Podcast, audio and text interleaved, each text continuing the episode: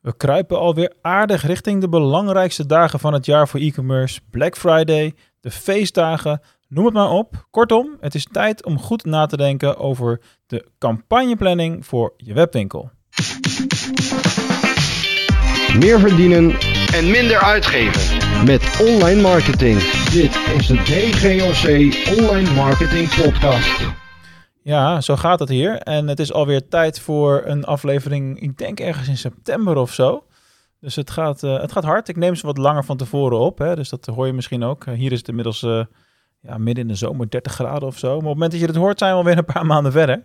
Dat is ook een goede truc trouwens met betrekking tot planning en campagneplanning. Het onderwerp voor vandaag. Vooruitwerken wanneer je daar de gelegenheid en de tijd voor hebt. Zodat je later niet meer continu met bepaalde zaken bezig hoeft te zijn. Eh, als het goed is, als de zomer afgelopen is en je hebt dit ge- gehoord, dan zal ik waarschijnlijk al content hebben klaarstaan tot op zijn minst het einde van het jaar 2021, wat de podcast betreft.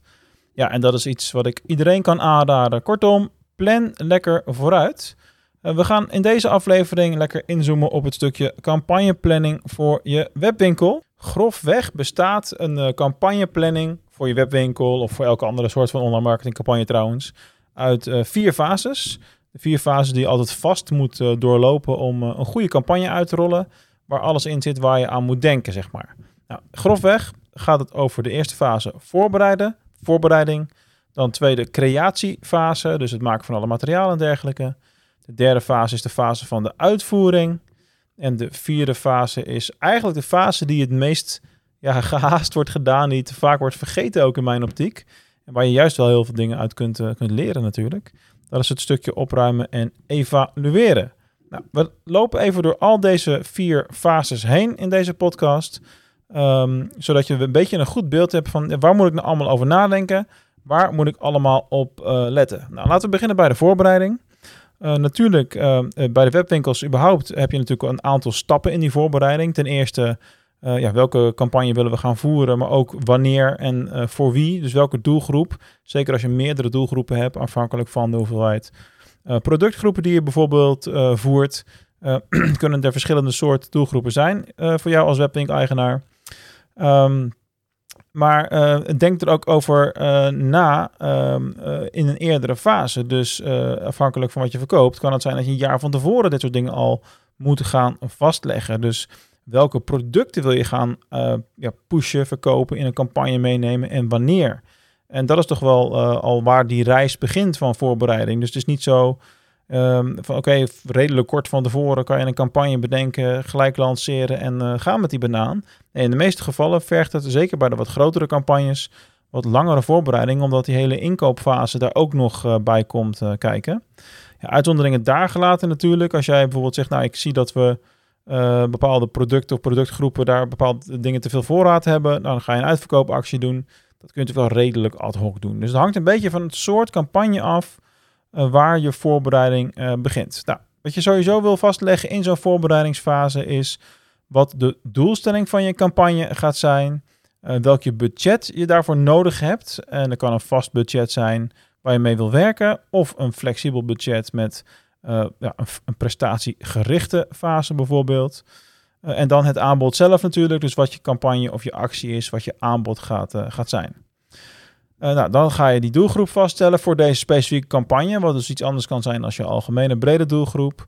En natuurlijk ga je ook in die voorbereidingsfase, afhankelijk van welke doelgroep je nu wil bereiken, de kanalen selecteren. Nou, Google Ads komt wel heel vaak eh, terug dan natuurlijk, hè, want dat is zoekgericht. Maar binnen social media kan het natuurlijk afhangen van de campagne die je hebt. Dus heb je een wat oudere doelgroep voor deze eh, producten die je wil verkopen, dan zit je eerder op Facebook. En heb je een wat jongere, vlottere doelgroep, dan komen een Instagram en tegenwoordig ook TikTok eerder in, eh, in beeld. Nou, als je dat allemaal hebt, dan ga je een lijst maken van wat je allemaal nodig hebt, ook voor de interne briefing. Dus welke materialen heb je nodig? Heb je banners nodig? Ehm, heb je ehm, eh, teksten nodig voor advertenties of voor e-mails bijvoorbeeld die je wil gaan, eh, gaan sturen? ga je er een blog over schrijven bijvoorbeeld? Dus welke beelden heb je allemaal nodig? Eh, wil je videootjes maken? Dus dat, dat wil je allemaal in beeld hebben. Wat moet je voor deze campagne maken? Dan maak daar een lijst van. Nou, dan is het tijd om naar de volgende fase te gaan, de creatiefase. creëren van, uh, van de uitingen zelf. Nou, dezelfde soort dingen als, als waar je de voorbereiding al een lijst van hebt gemaakt. Die ga je nu daadwerkelijk uitwerken. Nou, het liefst laat je dat door één partij doen of één specialist binnen je team. Zodat je ook alle uitingen goed op elkaar kunt laten aansluiten. Uh, en natuurlijk ook uh, de landingspagina's die je wil gaan inzetten. Dus uh, misschien kan het een bepaalde productcategorie zijn of een specifieke landingspagina voor, voor een actie. Dat is toch wel hetgene waar ik het meest naar neig altijd en wat in mijn ervaring ook het beste werkt. Nou, op zo'n landingspagina kan je ofwel gelijk naar productaanbod komen, maar het kan ook zijn dat je natuurlijk iets doet waar een tussenstap is met een inschrijfformulier naar een product of een andere soort van call to action. En dan wil je hier in deze fase ook het stukje e-mail marketing, wat daar dan weer achter ligt. Hè, dus iemand die meldt zich aan voor iets, of een kortingscode of whatever, prijsvraag, een, eh, een deelname van een actie de, in die zin, zeg maar. dan wil je natuurlijk ook uh, ja, de volgende stappen inzetten en uh, via e-mail marketing uiteindelijk die persoon tot aankopen bewegen. Hè, want dat is natuurlijk de grootste tak van sport hier. Nou, dat is allemaal voorbereiding, klaarzetten, maken, creëren. En daarna begint het spannende stuk pas echt het daadwerkelijk uitvoeren van de campagne. En ja, in die fase heb je eigenlijk het minst te doen, normaal gesproken. Tenzij het helemaal niet loopt. Hè, dan wil je misschien gaan bijsturen. Uh, uh, als de openingsratio's van e-mails te laag zijn, dan wil je in deze fase wellicht de, titel veranderen, bijvoorbeeld. Of als bepaalde advertenties geen klikken krijgen of te weinig, of er wordt niet goed geconverteerd, dan wil je tijdens de lopende campagne kunnen ingrijpen. Dus deze fase is vooral ja, naast het praktische uitvoeren zelf, monitoren. Kijken wat er goed gaat, wat er minder goed gaat. En dan vervolgens onderweg bijsturen. Nou, uiteindelijk heb je hopelijk een succesvolle campagne achter de rug. En dan kun je gaan evalueren. En ja, dat is ook een belangrijke fase, want dit is iets wat te weinig gebeurt. Heel vaak zie je dat partijen gelijk doorgaan naar de volgende actie, naar de volgende campagne en weer nieuwe materialen gaan maken. Alleen het is gewoon verstandig om, om ook gewoon te kijken naar, oké, wat is nu op dit moment de, de fase waar we in zitten? Um, wat is er gebeurd? Uh, hoe succesvol was het? Wat heeft er goed gewerkt en wat niet? En die lessen mee te nemen naar een volgende campagne. Als je dat doet, dan is de kans dat je volgende keer een groter succes behaalt bij je campagne, ja, is gewoon groter. Omdat je dat met meer kennis doet en bepaalde ja, eventuele fouten kunt voorkomen bij een volgende campagne. Ja, en dat lukt natuurlijk niet als je dat hele stuk evalueren overslaat. Dus uh, wees daar alsjeblieft attent op.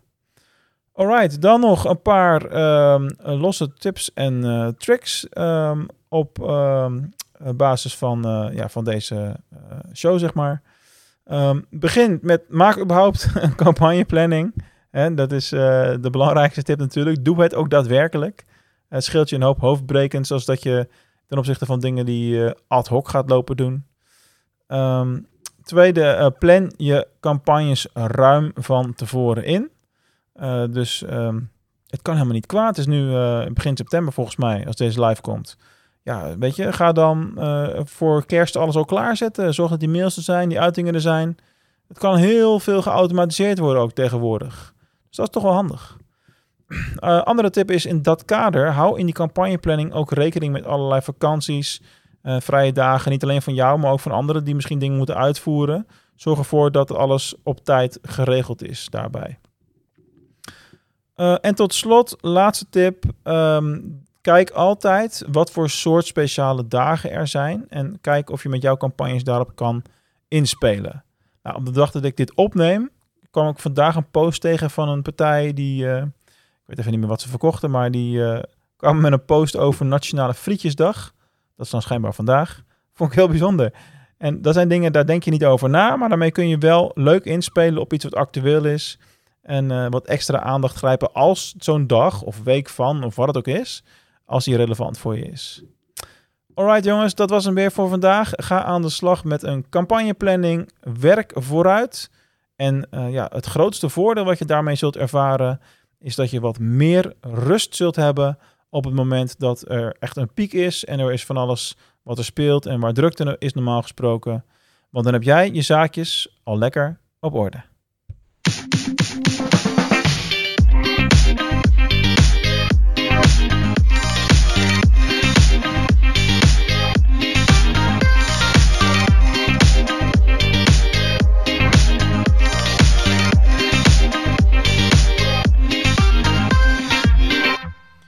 Zit jij er helemaal niet op te wachten om zelf een campagneplanning te maken of om je daar überhaupt uh, gedachten over te maken? Maar zit je veel liever gewoon bezig met het product of met uh, de inkoopfase daarvan of wat dan ook? Ja, plan dan eens een strategische call in met mij via dgoc.nl slash call en wellicht kunnen wij je dan een stukje verder op weg helpen daarmee.